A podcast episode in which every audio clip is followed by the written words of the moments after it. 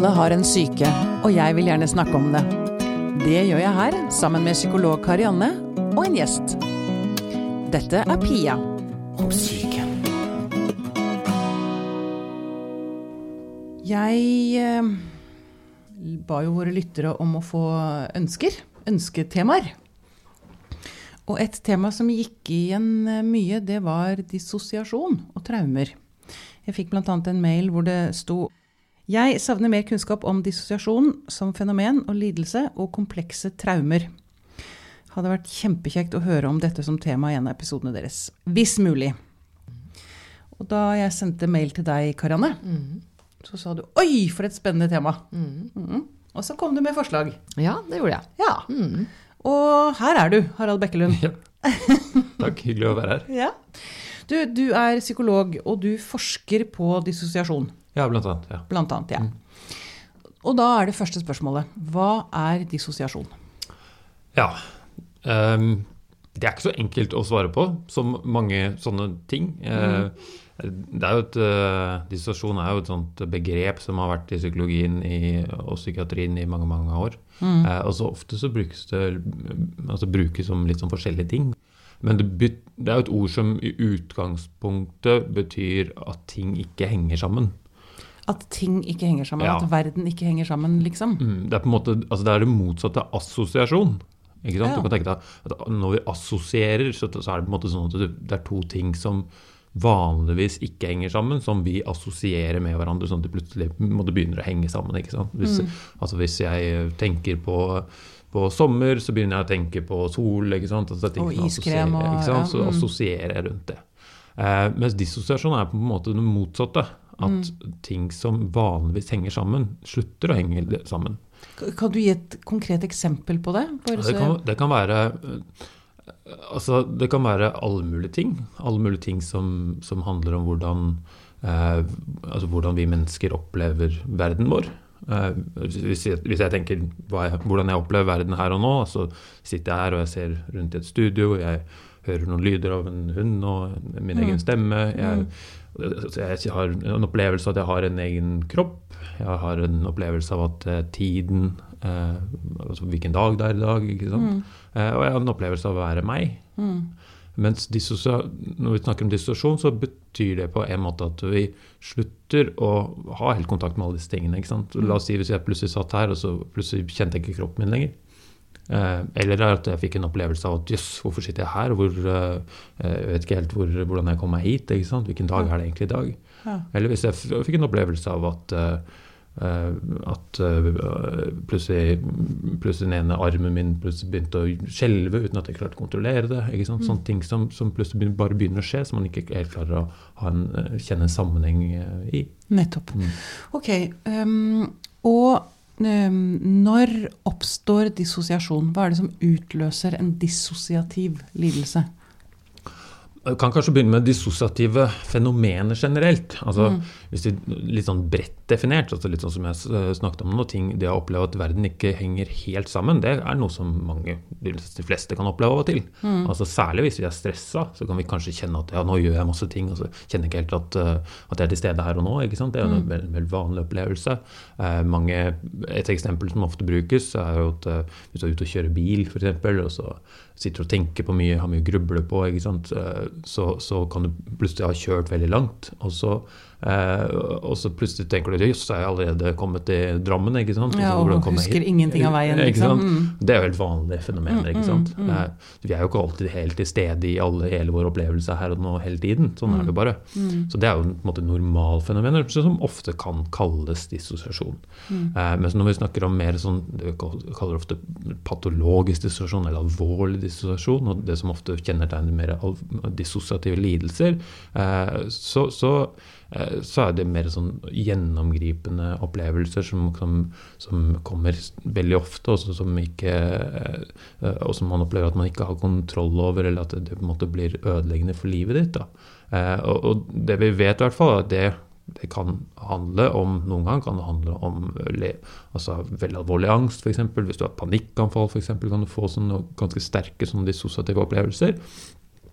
Eh, Men, så, men det som veldig ofte henger sammen med, er jo traumatiske opplevelser. Ja. Altså vi vet at eh, når, når folk både under traumatiske opplevelser, hvis du er midt i en, eh, en, en, en veldig alvorlig opplevelse, f.eks. hvis du opplever å bli voldtatt, for eksempel, så er det mange som har dissosiative opplevelser under voldtekten og i, eh, i etterkant av, en, en voldtekt, f.eks. Mm.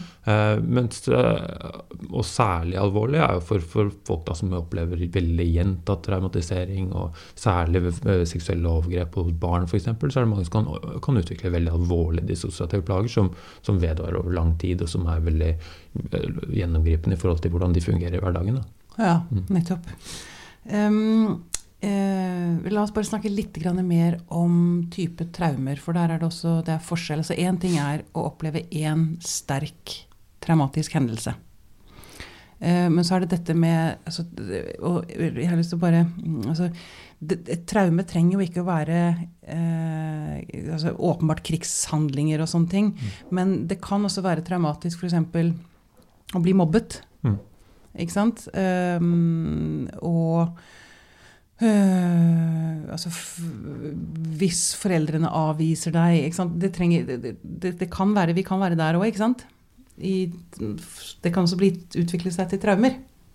Altså, akkurat hva som er traume og hva som ikke er traume, har vi jo ikke noen sånn helt klar definisjon på det også. Eh, På sett og vis så kan man jo snakke om, om traumer og alle mulige ting som, som, eh, som kan påvirke et menneske negativt på en eller annen måte, i sånn vid forstand.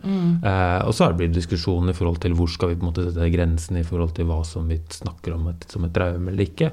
Det vi vet er at for eksempel Sånn som du sier, da, altså det å, å altså føle seg avvist, eller det som har, har på en måte gjentatt uh, dårlig emosjonell kontakt eller, eller regulering fra foreldre, sånne ting, er noe som kan gi sterke skadevirkninger for mange.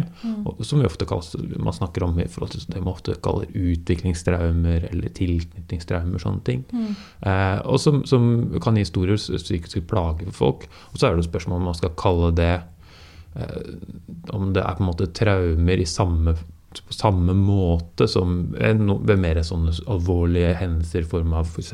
krigshendelser, voldtekt, sånne ting. Da. Det er ikke alltid at, de, at plagene blir helt like, hvis du skjønner hva jeg mener. Mm. det vi annet ser, som ofte det man kaller posttraumatisk stresslidelse, da, eh, er jo sånn at man at man får sånne gjenopplevelser av veldig sterke mareritt. ikke sant? Og man opplever at man, man ikke kommer ut av det, man ikke klarer å ha altså Det som skjer igjen. Eh, og det er ofte, jeg tror de, den type plager ofte er mer knytta mot, mot, sånne- måte, alvorlige enkelthendelser eller serie av sånne enkelthendelser, enn mer disse mer tingene som foregår eh, dag, dag for dag for dag over mange mange år. F.eks. med det som som mer utviklingstraumer. da. Men alt kan man jo omtale som traume, men ofte så, eh, så, så, eh, så vil det kanskje ikke se helt likt ut. Og det blir ofte noen liksom misforståelser rundt det noen ganger, tenker jeg, fordi at vi har eh, må, ulike måter å bruke, bruke begrepene på. Mm. Um, Karianne, du i din praksis, mm. er du borti dette ofte? Eh, ja, det vil jeg jo si. Eh, det var for så vidt noe av det som gjorde at jeg ramla litt inn i akkurat det feltet. var jo nettopp at Vi gjorde jo en studie hos oss hvor vi undersøkte hvem er det det ikke går så veldig bra med eh, over lang tid av de som strever med spiseforstyrrelser. Og da så vi jo bl.a. at noe av de som strevde, det var de som hadde en form for traumeproblematikk. Eh, og det var ikke dermed sagt at vi ikke tenker at de kan bli friske eller bli bedre, men man må kanskje tenke litt annerledes da, om hvordan man behandler den, den gruppa. Ja, hvor, ja det, for det er veldig interessant. Hvordan skal man behandle en som har en dissosiativ lidelse? Ja, altså det tenk, Akkurat det spørsmålet tenker jeg absolutt Harald kan få lov til å snakke Ja. på, øh, svare på. Men Ja. det jeg får lyst til å si, er vel at noe av det som Det er et veldig godt spørsmål, fordi noe av diskursen, sånn, kanskje spesielt når det gjelder traumeproblematikk, har vel vært sånn enkelt sagt skal vi snakke om det, eller skal vi ikke? Skal Ja. vi berøre det, eller skal vi ikke? Nettopp. Og det er jo mange som kommer i psykoterapi, som strever med akkurat dette, som forteller nokså triste historier da, om at terapeuten kanskje har hatt litt berøringsangst, og så har ikke vi turt å snakke om det. Også.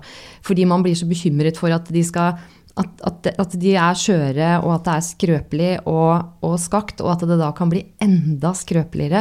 Men kan og det, kan det virkelig det? Altså, det er jo, hvis man bærer på noe vondt, Mm. så bærer man jo på det uavhengig om noen berører det eller ikke, liksom. Mm. Altså man Ja. må jo forholde seg til det. Absolutt. Altså man forholder seg til det uansett, altså om man vil eller ei, tenker jeg. Mm. Ikke sant? Og det eh, Jeg syns jo Og de aller fleste som, som går rundt omkring og har opplevd veldig sånn alvorlige hendelser og, traumatiske hendelser, som du sier, de går rundt omkring og tenker på det eller drømmer om det hver natt, eller mm. så, uansett. Eh, så derfor så eh, Så jeg tror nok mange behandlere har vært for redde i forhold til å måtte, tørre å snakke om det. Samtidig, det som selvfølgelig er viktig å si, er at Eh, Det er ikke sånn at det nødvendigvis er at det er sånn at med en gang du kommer til en ny behandler, så er det det første du skal gjøre, er å prate om det mest grusomme du har opplevd i hele livet ditt. Du trenger å føle deg trygg, du trenger å føle at eh, dette er et menneske som kan ta imot dette på en god måte. Og særlig hvis du har opplevd at, eh, at eh, de som har vært nær deg tidligere, kanskje har vært de som har vært eh, mest skremmende for deg, og de som har gjort de vondeste tingene mot deg, så er det vanskelig å, å, å stole på det i begynnelsen. Altså, så mange, mange vil jo trenge litt tid til det, da, bare kjenne at jeg er trygg nok til å, fortelle om dette her. Men, men jeg tror nok allikevel mange behandlere har vært altfor forsiktige i forhold til det, og er redde for at, at, liksom ikke, at pasienten ikke skal tåle det.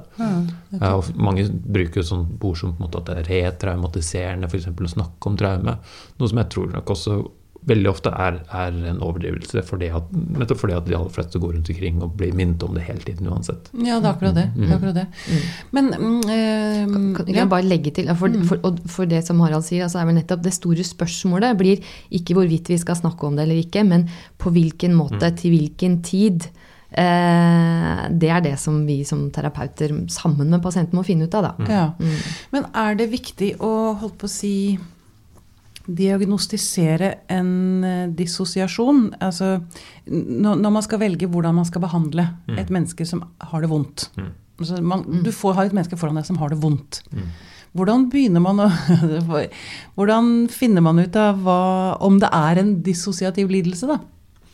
Altså På samme måte som gjelder i forhold til andre psykiske plager. Man må spørre folk om, eh, om hva slags eh, opplevelser de har i hverdagen. Eh, og Da har vi mange sånne verktøy som vi ofte bruker i forhold til å spørre om dissosiative opplevelser. Ja. Og både da mindre alvorlige dissosiative opplevelser og mer alvorlige dissosiative opplevelser. Ja, hva slags type spørsmål Altså hvis, hvis noen kommer til meg og jeg, jeg har i oppgave å på en måte utrede dem for dette her, så vil jeg ofte stille spørsmål i forhold til både eh, sånn eh, opplevelser knytta til å føle uvirkelighet i hverdagen. Altså både f.eks. om du kan kjenne noen ganger at du ikke kan kontakt med din egen kropp. Eller at du kan ha, ha skade deg uten at du egentlig kjenner det. Eh, sånne med sånne kroppslige eh, opplevelser. Noen, og så kan jeg spørre om, om du noen gang kan føle om, som om du går rundt som en sånn robot uten at du er i, mens verden rundt deg virker veldig uvirkelig. Eh, eller at eh, Også som et mer sånn alvorlig symptom som noen kan oppleve, er at de ser, ser seg selv utenfra. At de opplever at de ikke er til stede i sin egen kropp. Ja. Eh, og så er det ofte spørsmål knytta til mer sånn hukommelse. At du noen ganger kan oppleve at du har gjort masse mer sånn komplekse eh, ting som, som de ikke du husker har gjort. Altså du plutselig oppdager at, eh, at, at du har gjort eh, At du har eh, ommøblert hjemme uten at eh, du kan huske det. ikke sant? Det er sånn, Akkurat. sånne ting som Såpass, noen kan oppleve. Eller at, eller at andre mennesker sier at du har gjort masse ting som du ikke kan huske å gjøre. Som, Ja. Det kan være vanlig, mer sånn alvorlige dissosiative lidelser. Ja.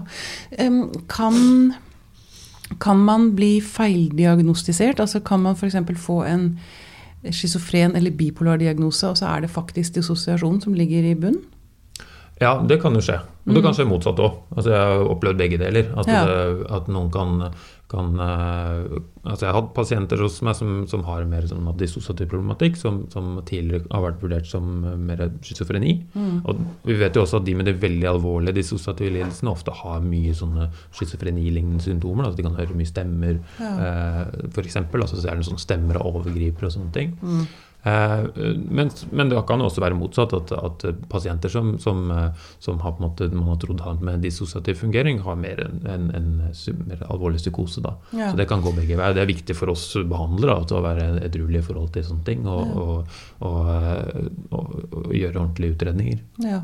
Jeg bare lurer på Jeg, en, jeg er jo diagnostisert bipolar okay. 2. Eh, men jeg eh, opererer liksom under det, den tanken at Blant annet, altså, min, bror ble påkjørt og drept da han var ni og jeg var tre. Og da mamma fikk vite det, så skrek hun. Og jeg lå i sengen i rommet ved siden av og sa ingenting. Ingen reaksjon, liksom. Og så tenker jeg dette er jo ikke bra for et barn. Men så lurer jeg på Eller jeg har en sånn idé om at min bipolare lidelse egentlig bare handler om masse undertrykte følelser, og kanskje dissosiasjon, da. Mm. Altså, og så lurer jeg på hvordan skal jeg finne ut av det? det er et utrolig bra spørsmål. Jeg vet ikke om vi skal gjøre en sånn, eh, sånn utredning på lufta her nå. Nei. Skal vi se hvor vi begynner. Jeg, jeg tenker jo at Jeg bare tenker på andre også der ute som kan ha opplevd Ja. ting, og som har fått diagnose. Og så Ja. sitter man liksom alene og tenker ah, jeg, har det, 'Jeg har det ikke så bra. Hva skal jeg gjøre?' Um, Jeg tror nok, altså Det jeg kanskje vil si om det, er at eh, vi, vi må passe litt på å tenke litt om hva er diagnoser. Altså, mm. øh, øh, og hva er viktig her. Altså Diagnoser sier noe om generelt om hva slags type plager folk har. Stort sett. Eh, ofte så sier det noe om hva slags type plager de har der og da.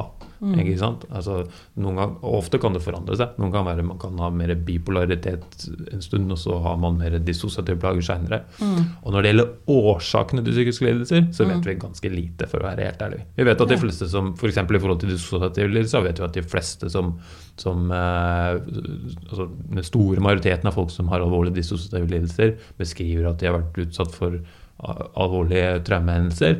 Men samtidig vet ikke at, at det er sånn at traumehendelsene alene forårsaker dissosiative lidelser. Det vet vi at antageligvis ikke stemmer. Det er jo ikke sånn at alle som, som opplever traumatiske hendelser, utvikler dissosiative lidelser. Og litt sånn i forhold til ditt, eh, din opplevelse da, så tenker jeg også at eh, når vi Diagnosen sier noe om hva slags plager man kanskje har hatt på et eller annet tidspunkt, og kan kanskje si litt om behandling, men så vil, må vi først og fremst prøve å finne ut hva er det som på en måte stemmer for hvert enkelt menneske. ja. Uh, og hva er det som gir mening i forhold til behandling, i forhold til, til uh, opplevelser, i forhold til hvordan man er som person. Uh, og det, det, på en måte, det detektivarbeidet der er det viktig at man gjør på en måte i en god behandling skal man gjøre det detektive arbeidet og prøve å finne ut av det, og det kan være veldig forskjellig fra person til person, selv om man har samme diagnose. ja. Mm. Ja, eh, fordi det er jo sånn at eh, pendelen har kanskje svingt litt. Fordi før så tenkte man kanskje, tror det er kanskje derfor også at vi terapeuter kan ha litt berøringsangst med å snakke om traumer. Fordi at tidligere så tenkte man jo eh, altså Man hadde sånne begreper som double bind, f.eks., som sa noe om den vanskelige bindingen med mor når det som kunne eh, forårsake en schizofreniproblematikk. Eller man hadde begrepet kjøleskapsmor, f.eks. Som man kunne liksom sånn sett? Ja, som en, som en, altså at man hadde en kjølig mor som forklarte alle plagene som eh, en person hadde, da, det Ja. den strevde med. Og sånn sett så var det miljøet som fikk veldig mye av skylda, rett og slett. Og så forsto man at det, så enkelt er det jo ikke. Og så har man jo nå kanskje de seinere åra blitt veldig opptatt av biologiske virkningsmekanismer som skal forklare all mulig problematikk. Og de har brukt masse forskning på å finne ut av hvilke parametere er det som, og hvilke målinger er det som bestemmer at det blir den og den lidelsen. Og så er vi også der at vi har ikke funnet så veldig mye mer ut av det, annet enn at eh, det er mer komplisert enn vi tror, som det alltid pleier å være konklusjonen på det. Eh, så det er jo som Harald sier, at det, det, det, det hviler et sånt etisk imperativ nærmest på oss behandlere som skal prøve i det enkelte møtet med det enkelte mennesket å finne ut av hva det er det strever med. Eh, og det kan variere. Og så er det ikke alltid at tilnærmingen er så veldig forskjellig heller. Mm. Noen ganger er det det, men det kan hende at tilnærmingen vi skal bruke til i det møtet med det enkelte mennesket, kan være ganske lik. Uavhengig U av uavhengig av diagnose, ja. ja. Mm. Altså, og jeg tenker sånn altså, for min egen del altså, tenker jeg at um, altså, når jeg utdannet meg som psykolog, det er jo ikke så lenge siden, jeg er ferdig for 15 år siden, eh, så hørte jeg veldig lite om traumer. Jeg lærte Ja. veldig lite om det. Ja, akkurat. lærte nesten Jeg tror ikke jeg var noen som nevnte dissosiasjon. Jeg lærte litt om posttraumatisk stresslidelse, kanskje. Og, eh, mens jeg lærte masse om gener og nevrotransmittere. Mm. For det var liksom bølgen da. Eh, og, og sånn har det nok kanskje Sånn har det vært i psykologien og psykiatrien opp gjennom historien, at det har svinget veldig i forhold til hva man på en måte er opptatt av. Og så har jo dette med traumer kommet som en sånn, uh, noe som man ble mye mer opptatt av de siste 10-15 årene.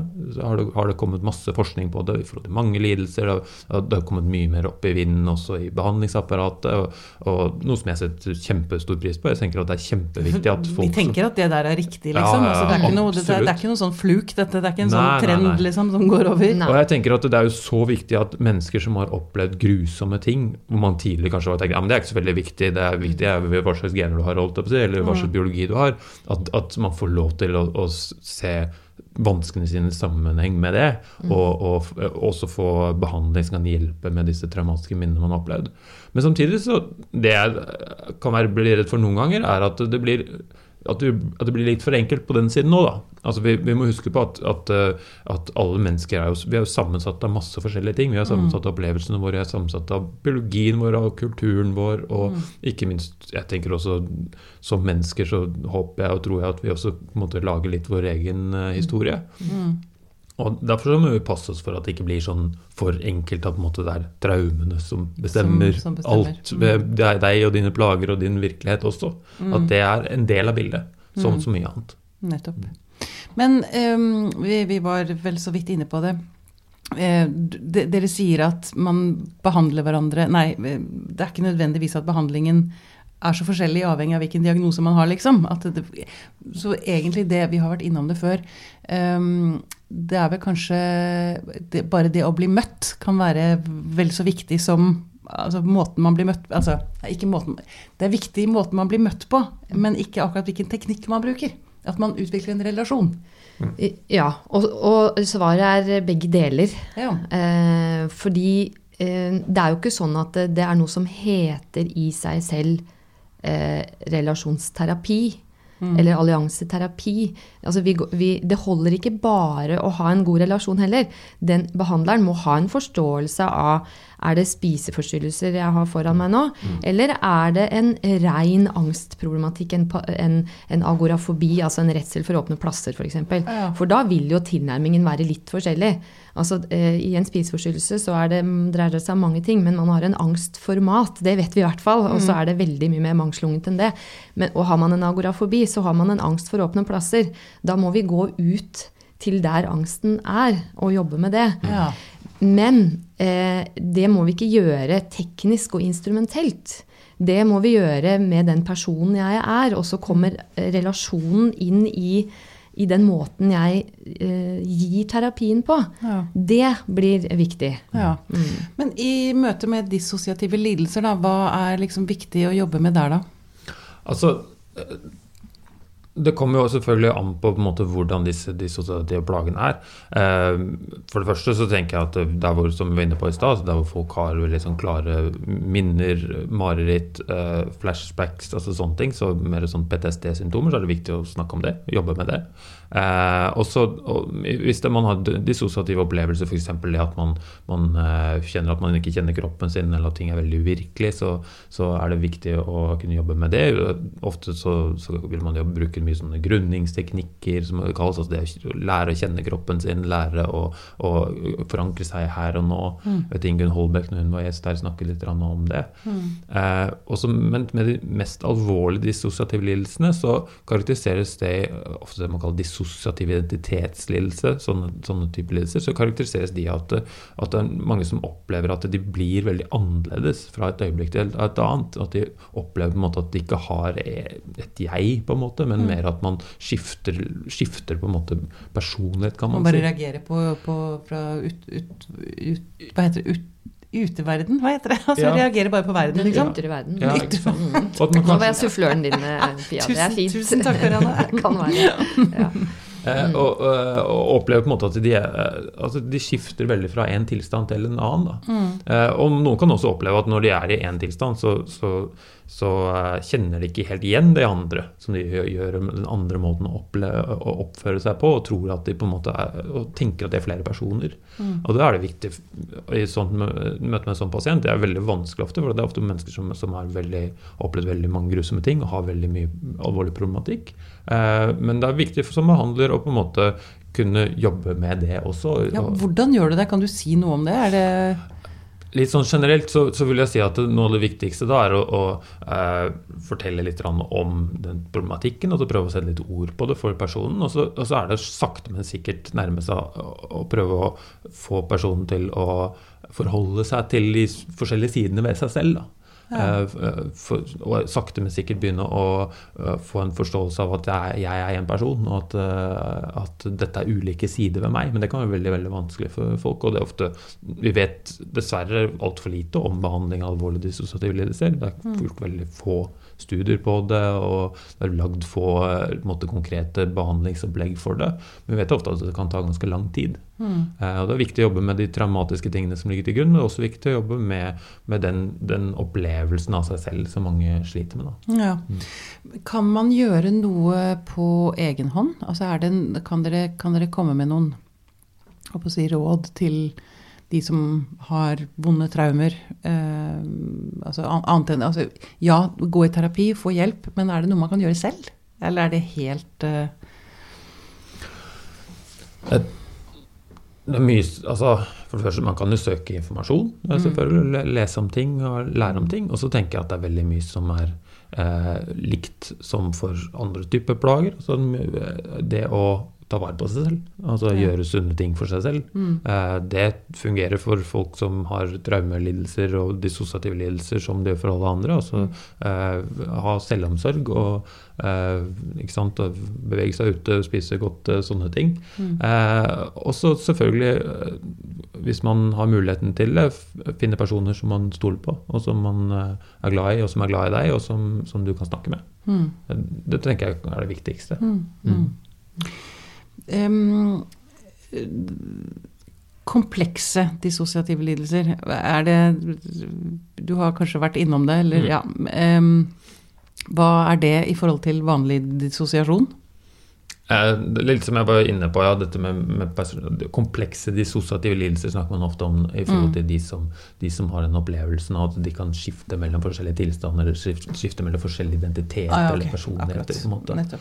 Eh, ofte bruker man på en måte Det er litt sånn dessverre i traumefeltet at vi er veldig glad i kompleksordet. Du bruker så veldig er kompleks, Folk er utsatt for komplekse traumer og kompleks, uh, har kompleks PTSD eller komplekse dissosiative lidelser. Er det, er det sånn- noe som er en, et enkelt traume, Ja, liksom? Det er det. Mm, mm. Men du har bare et enkelttraume, du. Da er det ikke så farlig med. Ikke sant. Men jeg kan kanskje si litt om liksom, hvorfor den historien, altså hva som er historien bak det. Mm. Uh, for, sånn, for det tenker jeg det handler litt om historie. Eh, at i traume, som jeg sa i stad, altså interessen for traume eh, og traumelidelser har svingt litt på gjennom historien. Og det har vært litt sånn forskjellige strømninger, kan man si. da. Ofte så er det veldig mye fokus på traumer i forbindelse med kriger. Mm. ikke sant? Altså Første verdenskrig så var man opptatt av det andre etter andre verdenskrig, man var opptatt av det etter Vietnamkrigen, så kom hele PTSD-diagnosen, sånne ting. da. Fordi at eh, da har man fått hjem mange mennesker, som, mange menn, som har vært traumatisert i krigen. Mm. Eh, så har man blitt opptatt av det for et sånt stort soldatperspektiv. Da. Og som har ofte vært opptatt av traumer i forbindelse med katastrofer. ikke sant? Altså I Norge også i forbindelse med, med Scandinavian Star-ulykken eller tsunamien. ikke sant? Så har det vært masse mm. forskning på det. Altså, så det er sånne type, eh, sånne, sånne type hendelser som man har forsket på. Men samtidig har man hatt en mer tradisjon som, ofte, som gjerne startet uh, i forbindelse med liksom, kvinnesak uh, på 60-70-tallet, hvor man ble veldig opptatt av, av vold i hjemmet ikke sant? og seksuelle ja. overgrep. Ja. Uh, den type traumer. hvor man begynte å beskrive hva slags plager som folk som hadde opplevd det, hadde. Da. og disse måte, forskjellige tradisjonene har da på en måte samlet seg litt i ett felt i forbindelse med som man kaller traumefeltet. Mm. Eh, og, og, man samlet på en måte de, mange av de plagene man så at folk som hadde opplevd sånne ting, eh, eh, opplevde, så, så eh, samlet man det i denne PTSD-diagnosen, posttraumatisk stresslidelse. Men så har man kanskje sett at det, selv om mange av plagene er like, så er det noen ganger litt kan det være litt forskjellig også. Og særlig der hvor folk har opplevd sånne ting som har skjedd gjentatte ganger over tid, og der hvor du ikke kan slippe unna. Altså Hvis du har, har vokst opp i et hjem med alvorlig vold, eller hvis du har sittet i fangeleir over lang tid, eller mm. hvis du har eh, opplevd seksuelle overgrep over lang tid, så så, så, så, så, så man etter hvert at det var en del som da kunne hadde mer sånn tilleggsproblematikk. Altså man, man sleit med dissosiasjon f.eks., eller emosjonell mm. regulering, eller man hadde vanskeligheter for å stole på andre mennesker. Mm. Um, Og det, det, det, gjør at man måte, ofte har kalt det liksom kompleks traumatisering. Da. At det er liksom noe litt mere. Og så vet jeg ikke om jeg er så veldig glad i dette kompleksbegrepet. For det, mm. som du sier, ja, hva er det med de andre? Altså, det, er det, det, er ikke enkelt å ha vært i krig eller vært enkelt å ha opplevd en katastrofe. Mm. Så, så, det er litt uh, Men det sier i hvert fall noe om hva dette dreier seg om. At, den, mm. at, selv om folk som har opplevd traumer er på mange måter like, så kan det også være litt forskjellig. Ja. Mm. Det er et annet ord òg jeg syns er litt komplisert og vanskelig å forstå i forhold til det. Det er at det, man kan også ha brukt ord som relasjonsskadd eller tilknytningsskadd knyttet til de mer komplekse variantene. Da. Mm. Og det er jo mange som har sagt noe til meg om at det det syns de er vanskelig å høre. Mm. For det er som om det da blir et sånt fatalistisk, helt håpløst mm. prosjekt. Ja, det er som liksom noen har kappa deg armen, og den er ja, borte, liksom. Ja, og det er liksom. irreversibelt. Det går ikke an å gjøre noe med. Mm. Det, er ikke noe, det er ikke noe mulighetens rom. Mm. Det er mm. ikke noe håp. Mm. Altså, så vi skal òg være litt varsomme med å bruke sånne begreper, fordi det tenker jeg jo ikke er det vi skal formidle ut. At Absolutt dette ikke går an å gjøre noe med. Nei, for det, og det bringer meg mot slutten her. Mm. Eh, for det går an å bli bedre. Absolutt. Ja. Selv om du sier at det, tar, det kan ta tid. Mm. Men det er håp. Absolutt. Og det, ja, det har møtt mange mennesker som, som eh, har, har, kommet seg langt videre i livet. Som mm. har, har eh, selv, selv, personer med alvorlige dissosiative lidelser, som ofte som kan ha opplevd grusomme ting over lang tid i barndommen, som allikevel har, har, klart å bygge seg opp og, og, fått et eh, fint liv og ikke ha de plagene lenger. Mm. Det, det har jeg sett flere ganger. Eh, så, så, det er absolutt håp. Både for eh, enkelt og mm. komplisert. Ja, ikke sant? Absolutt. Og, og, det er altså fare for å på en måte kaste meg på en sånn begeistringens bølge da, når vi snakker om mulighet og håp. Så, men får jeg bare lyst til å nevne en, en, studie som pågår nå av en som heter Peter Sele, som blir veldig viktig. Mm. Som nettopp prøver å si noe Det er vel en av de første i verden, tror jeg, internasjonalt, som prøver å se på er det, eh, altså er, det er to avdelinger på Modum Bad som samarbeider. hvor det, Den ene gruppen får stabiliseringsterapi, altså stabilisering her og nå. Mm -hmm. Den andre får en type bearbeiding av traume. At man løfter frem traume og ser og på snakker om det. Mhm. Apropos det vi startet med, skal man snakke mm. om det eller skal man ikke? Og så er det en tredje gruppe som får begge deler. Aha. Og så er jo spørsmålet hva er det som fungerer best, da? Hva er det mhm. som virker mhm. mest? Så det er viktig at det kommer ut til de mm. som strever mm. eh, om en kort stund. Da. Mm. Ja, Når kommer denne studien? Den er jo pågående, og den dataene vil vel komme ut om et par år, kanskje. Ja, ok. Mm. Ja. Så det er, det er, en stund til. Vi får, vi får fasiten. Ja, ja, det får man jo aldri i denne verden. Ja, det gjør man ikke. Nei. Vi får ny kunnskap, som vi pleier å si. Kunnskap, Men det er kjempeviktig i hvert fall at vi får kunnskap som gjør at vi kan uh, vite hvordan vi kan hjelpe enda flere, og, vi, og gjerne også kanskje hjelpe dem fortere. Mm. Sånn at det ikke trenger å ta så mange år. Mm. Og det håper vi at vi kan finne flere svar på uh, etter hvert. Veldig bra. Det er mye håp. Ja, absolutt. absolutt. Ja. Harald Bekkelund, tusen takk for at du kom til oss. Veldig hyggelig å være her. Bra.